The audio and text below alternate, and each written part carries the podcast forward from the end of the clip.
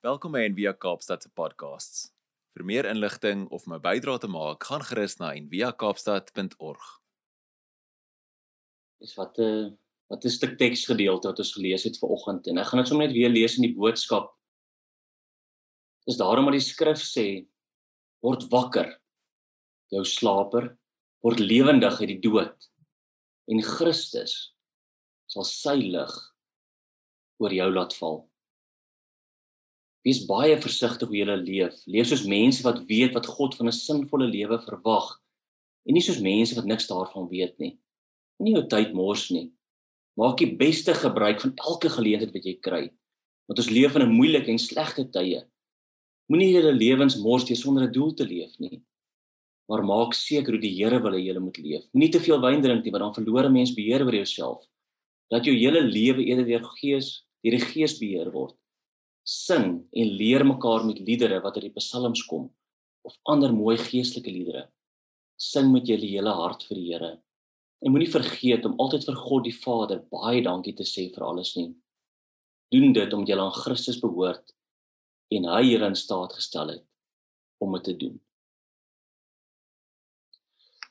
So ek dink my fokus vandag is eintlik maar vierledig. So aan die een kant ehm um, wil ek kom praat oor wat is die relevantie van hierdie teks om om eers oor die teks te praat. Ja, um, ek bedoel baie groter dinge wat nou in die lewe aangaan uh, waarvan COVID een is. Uh, maar, maar wat is die relevantie van die gesprek? En dan tweedens is die fokus maar wie is God? Ehm um, as jy kyk wat is wat Paulus in Efesiërs brief doen, weet hy kyk spandeer baie tyd oor wie is God. Dit is amper asof sy gedagtes en sy lewe oorheers.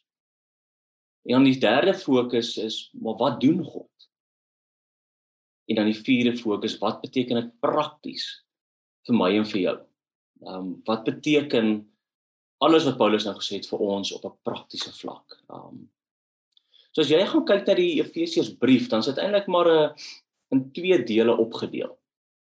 Die Efesiërsbrief uh, kom Paulus en hy praat oor die Christelike identiteit. So so wie is ons as Christene? Maar ook dan wat se gedrag is die tweede gedeelte vloei dan nou uit hierdie identiteit uit. So vers 1 uh hoofstuk 1 tot 3 identiteit, wie is ons? En dan 4 tot 6. Um en dis die gedeelte wat ons ook nou gelees het, is watter gedrag kom nou uit uit hierdie identiteit uit. En dan gebruik hy die beeld om sê jy moet jou ou identiteit uittrek en trek 'n nuwe identiteit aan.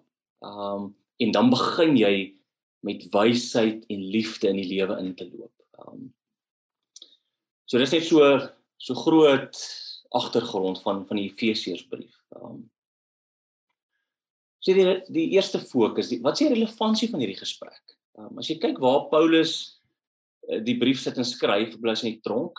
Um is iets van 'n tipe lockdown wat hy tog beleef.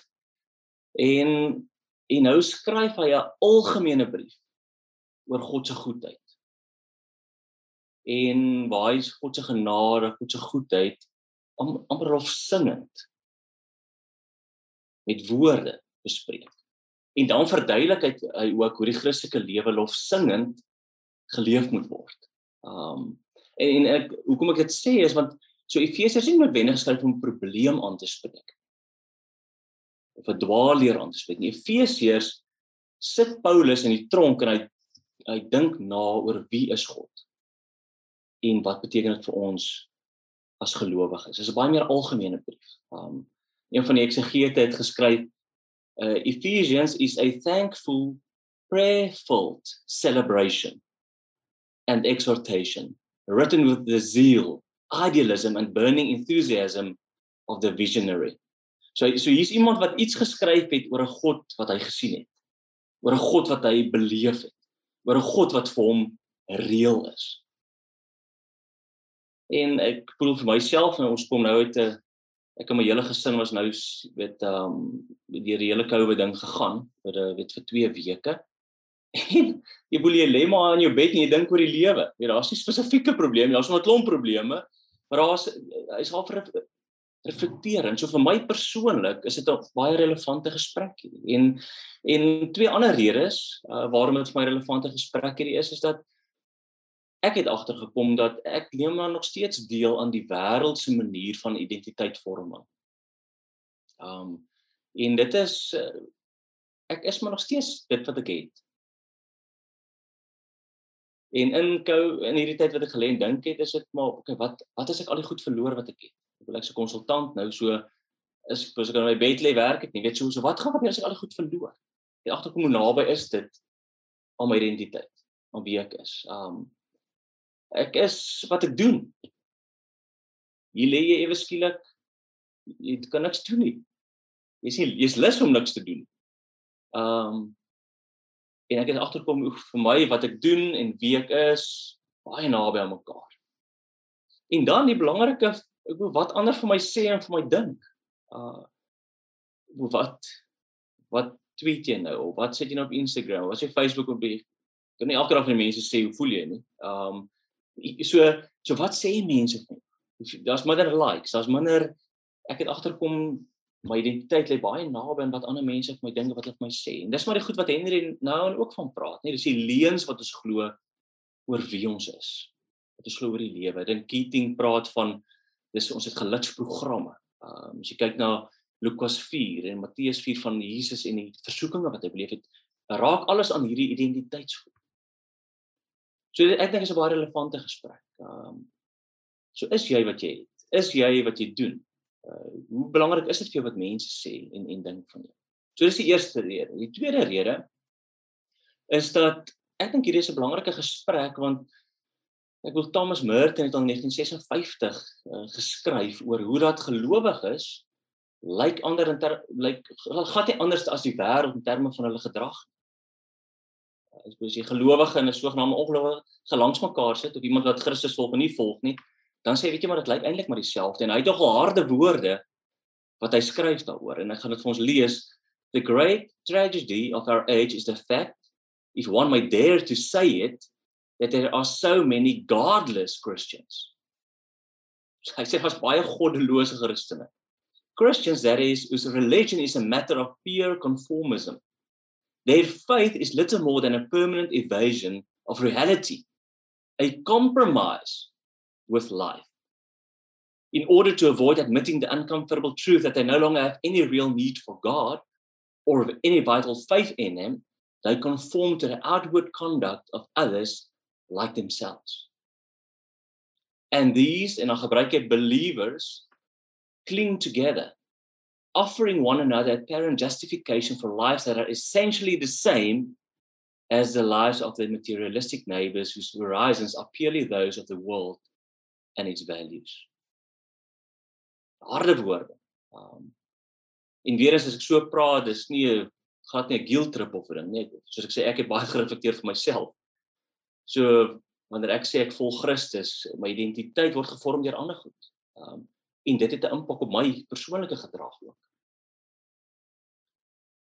En ek dink die groot ding wat ek agtergekom het is dat die gesprek wat in die wêreld aan die gang is het eintlik my hele kop oorgeneem en ek praat nou spesifiek van die van die die COVID gesprek.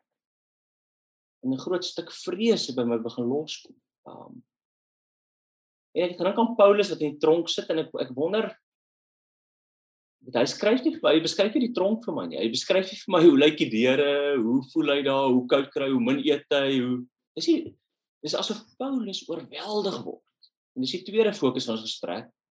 Hy word oorweldig deur deur deur wie God is. En daarom word die Efesiërs brief ook as jy die Efesiërs brief in een woord moet opsom, is dit lof aan God. En dit so dis die goue draad wat hierdie Efesiërs brief gaan. So dis dis 'n uh, ons selfs mense wat sê dit word op Psalm 117 geskoei, die uh, Berakoth gebed wat wat ehm um, waar onthou wat God in die verlede gedoen het En dit raak dan 'n rede waarom ons moet aanhou om God te, te loof en te prys. Psalm 117 klink so: Kom prys die Here al julle volke, loof hom al julle nasies. Hoekom? Want hy's baie lief vir julle. Hy doen wat hy beloof het. Ja, die Here se liefde vir julle sal nooit ophou nie. Kom prys die Here. En dan sien jy vir Paulus en hy sê, "Joe, maar hier's twee groot redes waarom ek die Here wil loof en prys." En en en en hoe ek God sien en dan fokus hy op aan een kant God se oorvloed God se hiperbalyn, die uh en dan die die rykdom van God, die plutos van God. In verband met God se werke, so God se oorvloed en rykdom. En as jy kyk God se oorvloed, dan sê maar God en oorvloed is sinoniem. Hy praat in 1 vers 19 oor die oorvloedige grootheid van God se krag. Die oorvloedige rykdom van sy genade. Die oorvloedige kennis van die liefde van Christus wat gelowiges se lewens vorm. En gebruik 'n beeld, um en iemand skryf oor 'n beeld wat hy wat hy gebruik van dis soos 'n groot rivier, 'n magtige rivier wat walle oorstroom. So God se goedheid oorstroom die ontvanger. Dit is onstuitbaar. Dit is oorweldigend, dis nimmer eindigend. Dis onopbreekbaar. So God se oorvloed oorspoel vir Paulus daar in die tronk. Baie eintlik baie min het. Maar eintlik baie goed gaan met hom. Ook aan die ander kant God se rykdom, rykdom van God se genade die rykdom van God se ewige erfenis in in 1 vers 18, die rykdom van en oorvloed van God se genade. En dan sê die evangelie, die goeie nuus is 'n ondeurgrondelike rykdom van God se genade. En hy bid dat God deur die rykdom van sy heerlikheid gelowiges sterk sal maak. So Paulus sit daar aan die tronk. En hy kan nie uitgepraat raak oor God se oorvloedige, oordadige, gratis, onverdiende omgee, onverdiende liefde. En dit raak 'n rede vir sy lof as hy terugkyk, maar ook soos wat hy vorentoe beweeg. Die derde fokus is wat doen God? So ek eers kyk na die relevantie vir die gesprek. Ons vat ons identiteit en ons gebruik die wêreld se gesprek om ons identiteit te vorm. Uh ons gedrag lyk dit dan nie baie anders as die wêreld se nie. Paulus sit in die tronk en hy kan nie uitgepraat raak oor wie God is. Maar dan beweeg hy oor en hy hy kan nie uitgepraat raak oor wat God nou besig is om te doen. Nie net in die verlede soos in Psalm 17 nie, maar ook dan wat is hy nou besig om te doen? En hy sê Efesiërs 1:17 tot 18 bid hy dat die gelowiges se oë sal oopgaan, verlig sal word sodat hulle die aard en die omvang van die nuwe lewe in Christus sal begryp. So hy sê vir hulle hier's 'n groot misterie wat besig is om om om te ontvou. Wat besig is om uit te speel. Dit wat hier wat julle sien, dis nie al nie. Daar's ander goed ook. So julle oë moet oop gaan. Hy sê Here asseblief dat hulle oë oop gaan dat hulle dit kan sien. En wat hy wil hê ons moet sien is dat Christus staan in die middelpunt van God van God se plan. En hy's besig om alles en almal rondom hom te verenig. En Paulus sê ek het ek die geringste van die heiliges. Ehm um, maar ek het die sleutels ontvang. En ek vir, wil vir julle iets oopsluit van God se misterieuse plan wat besig is om nou uit te speel. Net so op die kantlyn, ek dink is wonderlik Paulus weet dit gaan nie eintlik oor hom nie. God se plan speel uit. Al sit hy in die tronk. En hy wil sê, hoor, so ek is in die tronk, ek is nie meer daar nie. Moenie uit die goed aan my vasmaak nie. God is besig om hierdie misterie te laat uitspeel. En weet jy, elk alle gelowiges kan dit eintlik sien. En as jy kyk in Efesiërs 1:9, hy gee vir ons almal toegang tot hierdie misterie. En dan die mooi wat Paulus doen. Dit sê maar hierdie misterie is 'n trinitariese samewerking wat plaasvind. Dit is is God die enig wat hier in die werk is. Dit sê die Vader se planne ontvou in Christus. Christus die hoeksteen van die kerk en dan die Gees wat gelowiges vul met die teenwoordigheid van God. So hy sê hoewel die, die Vader die oorsprong van alles is, is Christus die een wat hierdie planne tot uitvoering bring om versoening, vrede, eenheid te bewerkstellig. Christus is ook een in, in wie se naam ons tot God kan nader. En dan belangrik, die Gees kom verseël alle gelowiges as bewys dat hulle eiendom van God is en dan bekragtig hy hierdie regte lewenswyse of hierdie ander tipe lewenswyse. So dit is belangrik wat wat Paulus kom sê is dat ons kan nou hy kan nou in die tronk kan hy die volheid van God, die volheid van Christus en die volheid van die Gees as 'n realiteit beleef. Dis die misterie. En dan sê maar dis nie ons is nie alleen nie. Daar daar's 'n groepering van mense of die kerk wat reeds in eenheid begin saamwoon, wat reeds in vrede begin saam. En hierdie eenheid is in God gegrond en hy, hy skep selfs 'n nuwe woord. So hy vat die woord soma en hy susoma wat hy dit verander om te sê maar maar is soos 'n liggaam. Hy wil die liggaamlike eenheid van die kerk beskryf. Interessant wat Paulus doen in Korintiërs sê die kerk is die liggaam van Christus. Maar dan praat hy van die kerk en hy sê die kerk is die kop, die neus, die ore, die hande, die hele liggaam. Maar in Efesiërs maak hy Christus die kop van die kerk. En uit die kop uit is die hele liggaam die wat die wat die kerk is. Dis powerful die die beeld wat hy gebruik. So hy sê deur Christus realiseer sy redding in die liggaam. So dis 'n uitvloeisel van wie Christus is. En en dit is so uniek dat hy sê ek gee vir julle lewende gawes vir hierdie groepering van mense wat in eenheid saamleef. En hy gebruik 'n triomfbeeld. Hy sê dit is soos 'n um Psalm 68:19 van iemand wat 'n koning wat oorwin het en wat nou stap en geskenke uitdeel. En hy sê wat wat hy vir ons uitdeel, is en dis powerful vir my. Is nie geskenke soos in Korintiërs um daai tipe gawes nie. Dit is mense. So hy kom sê ek gee vir julle apostels. Ek gee profete, gee evangeliste, gee herders, gee leermeesters. En wanneer hierdie geskenke deel van hierdie groepering is en julle sien mekaar as geskenke, dan sal hierdie groepering van mense sal gesond wees. Dit sal tot 'n onderlinge eenheid lei. Daar sal regte kennis wees. Jy sal geestelik volwasse word. Jy sal julle volheid in Christus vind. Jy sal in julle gesprekke dink daai daai sirkels waarvan jy nou nog gepraat het, weer in daai in daai sirkels sal die een kenmerk wees as liefde. Uh on uh um onuitputbare liefde. Daar sal aanvaarding wees vir mekaar. Daar sal geloofsgroei wees. So met hierdie hele agtergrond kom Paulus dan nou uit by die gedeelte wat ons gelees het. En hy sê weet julle as, as ek so as, as ek sien wie God is, sy rykdom. Sy oorvloedigheid. As ek sien wat hy besig is om om te maak werk hier in die wêreld, hierdie misterie wat uitspeel wat in hom gegrond is.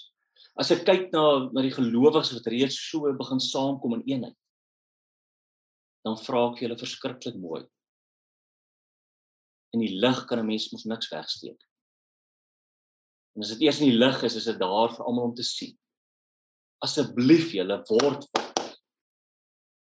julle wat slaap word lewendig uit die dood en Christus sal sy lig oor julle laat.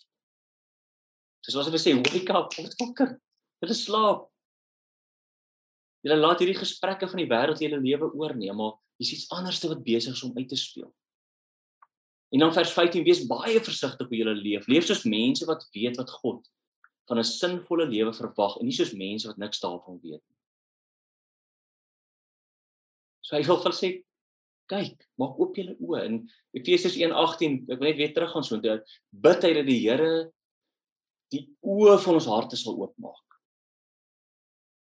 Word wakker, maak julle oë oop.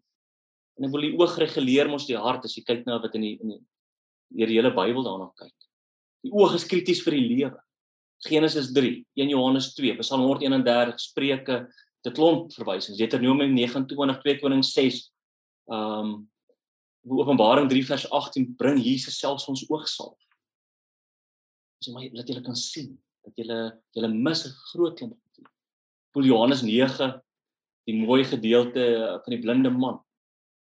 En wat Johannes eintlik met die hele tyd sê, hoor hierso, jy kyk na hierdie realiteit, maar daar's 'n ander realiteit wat uitspeel en is eintlik net die blinde man wat nie fisies kan sien nie, maar wat kan sien, want hy het my herken, hy het my raak gesien, hy het die misterie raak gesien. So word wakker, maak oop jou oë. Want tweede is begin anders te loop. So die gedeelte van leef versigtig is nie 'n leef versigtig nie. Dis 'n aanmoediging. Hy moedig ons aan om om om om aandag te skenk oor die manier waarop ons leef, om te ontwaak oor die manier waarop ons leef. En hy moedig hulle aan om anders te begin loop. So hy gebruik hierdie term loop so sewe keer in Efesiërs. Peripatein. Ek moet altyd nog maar iewers 'n Griekse woordjie ingooi, dan klink dit baie goed. Maar hy sê vir julle het voorheen geloop op hierdie roete van sonde en van dood. Maar nou nooi ek vir julle uit loop op hierdie op hierdie ritme amper van wysheid. Begin loop en leef op hierdie op Christus se pad van liefde, van lig. En hy en hy vat die loop metafoor en hy koppel dit met met agape. So so is amper 'n liefdesloop wat jy wat jy doen. En dan sê ook maar julle as gelowiges as 'n groepering, 'n nuwe volk praat in 2 vers 11 tot 22. Julle moet op 'n ander manier begin loop, op 'n ander manier begin beweeg. So hoe lyk dit prakties? As jy kyk na Efesiërs 5:17, moenie julle lewens mors deur sonder 'n doel te leef nie. Maak seker hoe die Here wil hê julle moet leef. So hierdie hierdie oproep kom binne die konteks van Paulus wat sê maar die kerk is besig om volwasse te word, tot volwassenheid in Christus te groei. En hy smeek en hy sê asseblief een van julle groot doel doelwitte is eintlik maar meer en meer soos Christus word. Jy moet sy gestalte begin wys vir mense. En een manier is maar vergewe mekaar. Offer julle lewens op vir mekaar.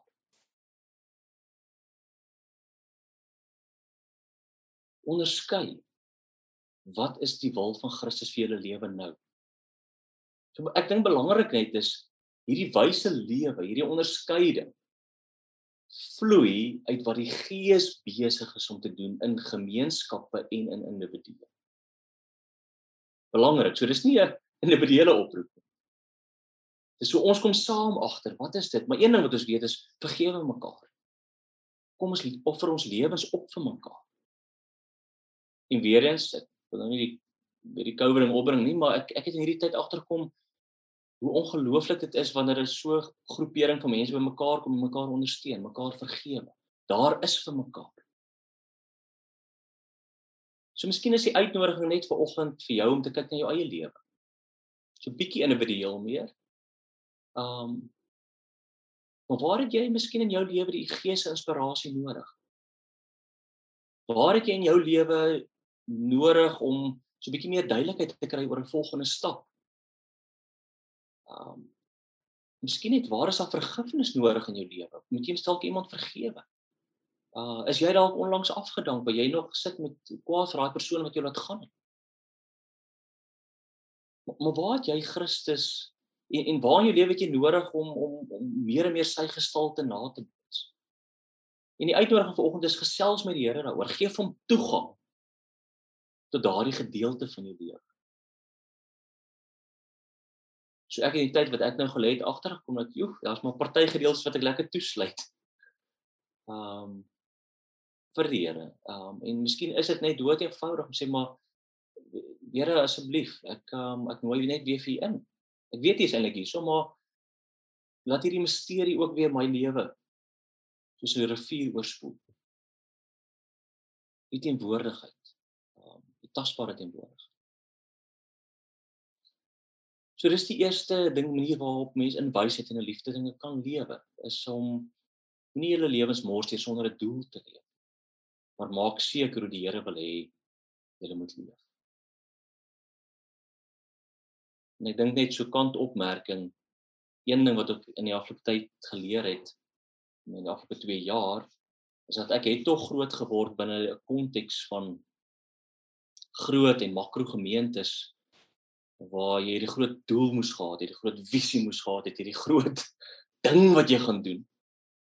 En terwyl ek oor my lewe gereflekteer het, is dit vir my baie duidelik dat ek in 'n kol seisoen ingaan wat ek eintlik maar net 'n groter begeerte het. Here, wat is u doel vir nou? Wat is daai volgende stap vir nou? Want dit is te onvoorspelbaar die tyd waarin ons nou leef. So die tweede manier waarop jy met wysheid en met hierdie liefde hierdie ander manier kan begin loop is Efesiërs 5:16. Moenie jou tyd mors nie. Maak die beste gebruik van elke geleentheid wat jy kry want ons leef in moeilike en slegte tye.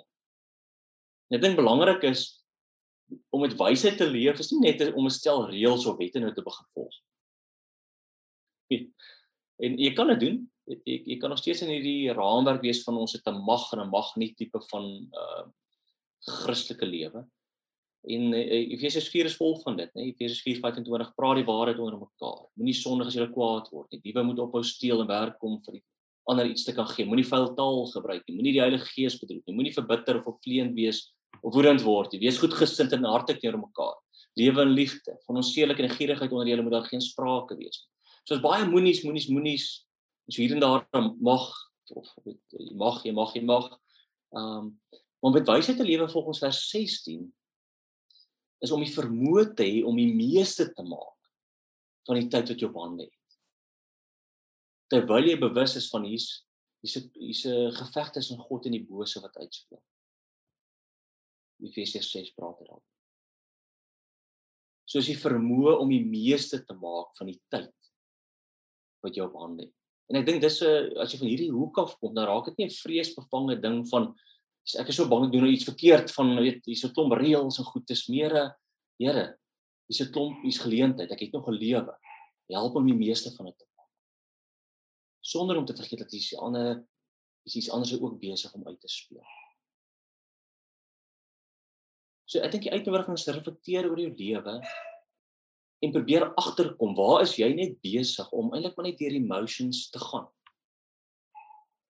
Waar is jy eintlik besig om te sleepwalk?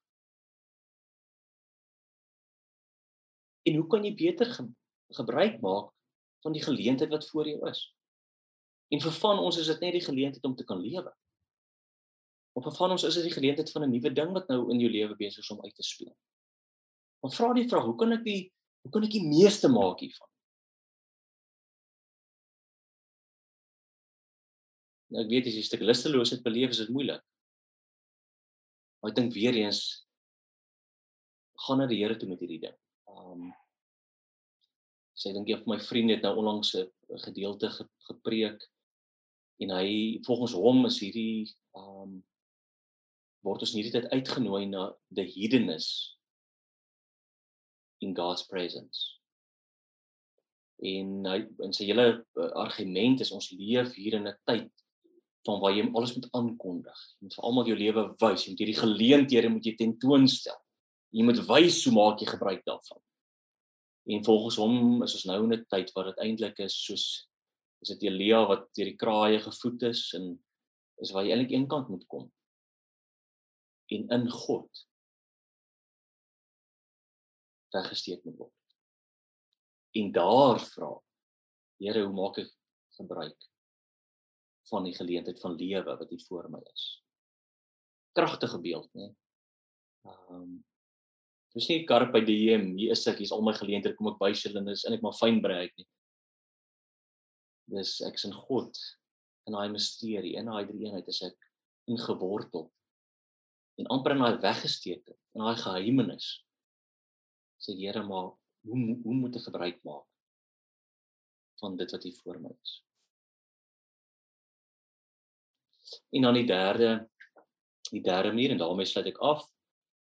Efesiërs 5 vers 18 tot 20. Moenie te veel wyn drink nie, want dan verloor 'n mens beheer oor jouself. Laat jou hele lewe eerder deur die Gees beheer word. Sing en leer mekaar met liedere wat uit die psalms kom of ander mooi geestelike liedere. Sing met julle hele hart vir Here. Moenie vergeet om altyd vir God die Vader baie dankie te sê en vir alles nie. Doen dit omdat jy aan Jesus Christus behoort en hy julle in staat gestel het om dit te doen. Ek moet ek net sê die gedeelte oor moenie te veel wyn drink nie. Ek moet jy in koue en wanneer party goed baie keer moeilik gaan help dit soms so bietjie. Maar dit vat jou nie baie ver. Um maar net die so so, so met wysheid te leef is nie 'n saak van doen net waarvoor jy lus is en volg net jou begeertes. Gee jou net oor aan jou begeertes. Um soos een van my vriende sê hy um hy het in die VGK groot geword. En op 'n stadium kry dit nou hierdie um dominee of pastoor wat so 'n bietjie meer weet oop is. En hy het die hele ding vir hulle hoor so man, julle weet kom soos julle wil. Weet regtig, as julle kerk toe kom, kom net soos julle wil. En die mannetjie is toe nou so hoërskool. Is en hy trek aan maar volgens sy pa het amper soos 'n nar gelyk.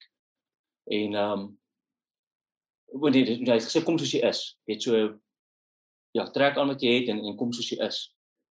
En die oggend voor hulle kerk toe gaan, en die ouens het klere aan en die pa sê van, "Ja, maar wat gaan met jou aan? Waar is jy op?" Hy sê, nee, "Ek gaan ek gaan kerk toe." En hy sê, "Maar maar trek jy so aan?" Hy sê, "Ja, nee, die pastoor het of die dominee het gesê kom soos jy is." Hy sê, "Ja, maar hy het nie gesê kom soos jy wil nie." So so die so jy sit met hierdie begeertes. Um en en ek dink wat wat wat Paulus hier probeer sê is om met wysheid te leef is om hierdie begeertes te vat en dit amper te channel in aanbidding wat uit dankbaarheid vloei vir dit wat God in Christus gedoen het. Uh so ek ek dink hy nooi ons uit om met 'n stuk passie ehm um, hierdie aanbidding laat uitvloei soos wat God se rykdom se oorvloed in ons lewens invloei dat dit uitvloei weer na hom toe. En hy sê wat hy wil eintlik vir soorte gebruik enigiets, psalms, gesange, geestelike liedere, gedigte. So enige iets wat wat ehm um, wat hierdie goedheid van God ehm um, kan afgaafies kan tentoonstel, gebruik dit. En dan die kragtige ding wat hy doen. Hy sê dit gaan nie dis nie net na God toe nie. Maar wat gebeur wanneer jy dit doen? As jy begin mekaar ook aan te steek. Hierdie hierdie oorvloed en 'n rykdom en en dankbaarheid begin oorvloei na mekaar toe. En jy sien dit in vergifnis en in liefde.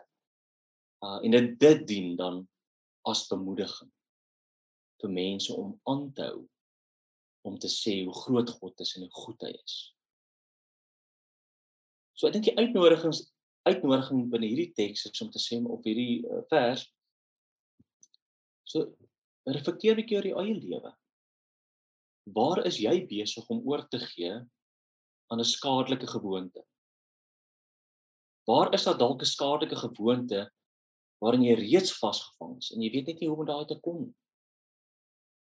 En hierdie skadelike gewoontes is baie keer um net om te kou.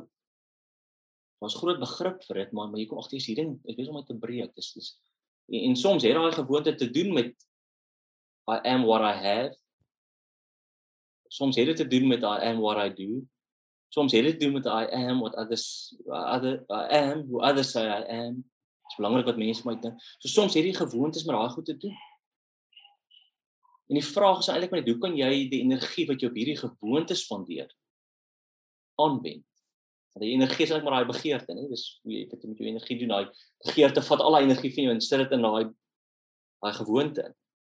So die vraag is dan hoe kan jy daai energie wat jy op, hierdie skadelike gewoontes spandeer, hoe kan jy dit op God begin fokus en uit dankbaarheid ehm um, sy naam begin groot maak en sy oorvloed, sy rykdom. Ehm um, ja net te besin. Ja, en net net groot te maak. So ja, so met wysheid te leef, ehm um, en die hele gesprek vanoggend is baie relevant. is relevant want ons laat ons identiteit deur ander dinge vorm. En ek dink wat ek ver oggend hier uitgekry het is dat as jy kyk I am what I have as dit die manier waarop identiteit gevorm word deur die wêreld dan het ek ver oggend geleer dat joe, wat het ek? ek? Ek het so baie in in Christus. Oorvloed, ek het rykdom en ek begin leef uit uit dankbaarheid vir wat hy reeds vir my gegee het. Sy genade, sy omgee. Um die geskenke van ander mense apostels profete herders uit my mense vir my gegee. Um, so dit laat daai identiteit so 'n bietjie anders te lyk. I am what i do. So ek ek begin aandag te gee in die manier waarop ek leef en die Vader en die Seun die Heilige Gees leef eintlik deur my. Vloei deur my. En daarom kan ek die beste gebruik maak van elke geleentheid. En kan nou begin leef en loop en wys So so dit wat ek doen is eintlik 'n uitvloeisel van van dit wat Christus, die misterie wat reeds besig is om uit te speel. Ek hoef nie 'n nuwe ding te fabriseer nie. Ek hoef nie ek laat dit maar net deur my vloei en dan begin ek anders te doen. Makliker om te vergewe. En dan die laaste I am what others say or think of me. Um Efesiërs 5:18 tot 20. Ons begin saam lofliedere te sing. Um so my fokus is nie ten diepste en eerste op wat ander sê nie, maar wat God sê van my en ek saam met ander is 'n teenwoordigheid. Uh en ek is deel van hierdie gemeenskap van gelowiges waar liefde en vergifnis 'n dryfveer is. Nie net om mekaar te please nie. Nie net om mekaar gelukkig te hou nie, maar maar uit 'n plek van liefde en dit word gefokus op God en dan vloei dit oor na mekaar toe. So ek begin wanneer ek hier is, weet ek dat ek gee jou amper die voorbeeld van die twyfel. Jy kyk na my deur jou oë wat oop gegaan het.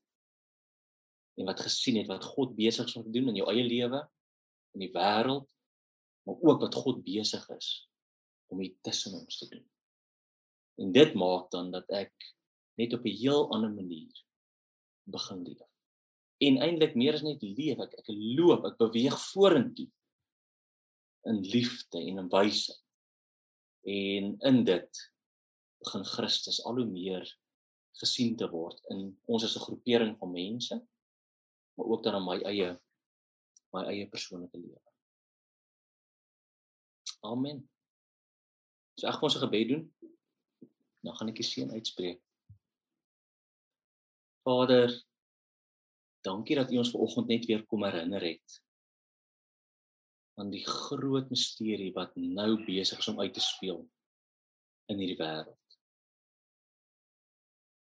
Vader, my gebed is myself, maar ook vir ons almal wat nou luister, is dat ons nie hierdie misterie sal mis nie. Dat maak ons oë weer oop. Maak ons oë oop om om u rykdom, u oorvloed, u genade in ons lewens raak te sien.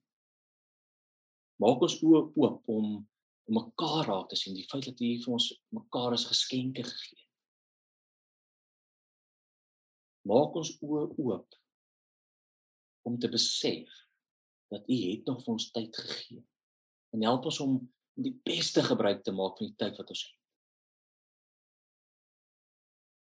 Vader, ja, ons wil regtig soos Paulus kom sit en en ehm um, ja, wanneer ons vir ons eie lewe skryf, dat daar eintlik net een woord oor ons lewe sal staan en dit is iemand wat God geloof en geprys het, maar wat ook in wysheid en in liefde geloop en geleef het.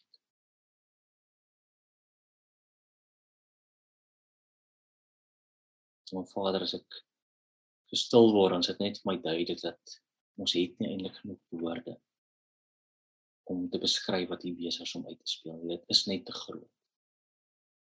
Maar dankie dat U vir ons daarin genooi het. En soos Paulus sê dat U vir ons die sleutels gegee het om hierdie misterie oop te sluit deur Christus. Dit is vir ons 'n voorreg. Ek bid dit in Jesus se naam. Amen.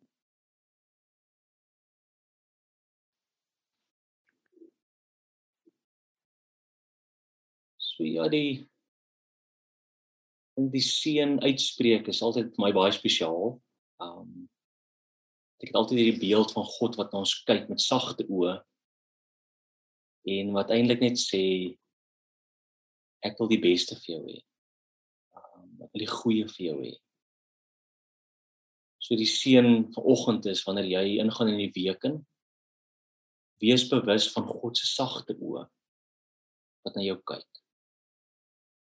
En mag sy sagte oë ook deur jou oë gesien word wanneer jy na ander mense kyk en na die wêreld kyk. Amen. Dankie dat jy saam geluister het vandag. Besoek gerus en via kaapstad.org vir meer inligting.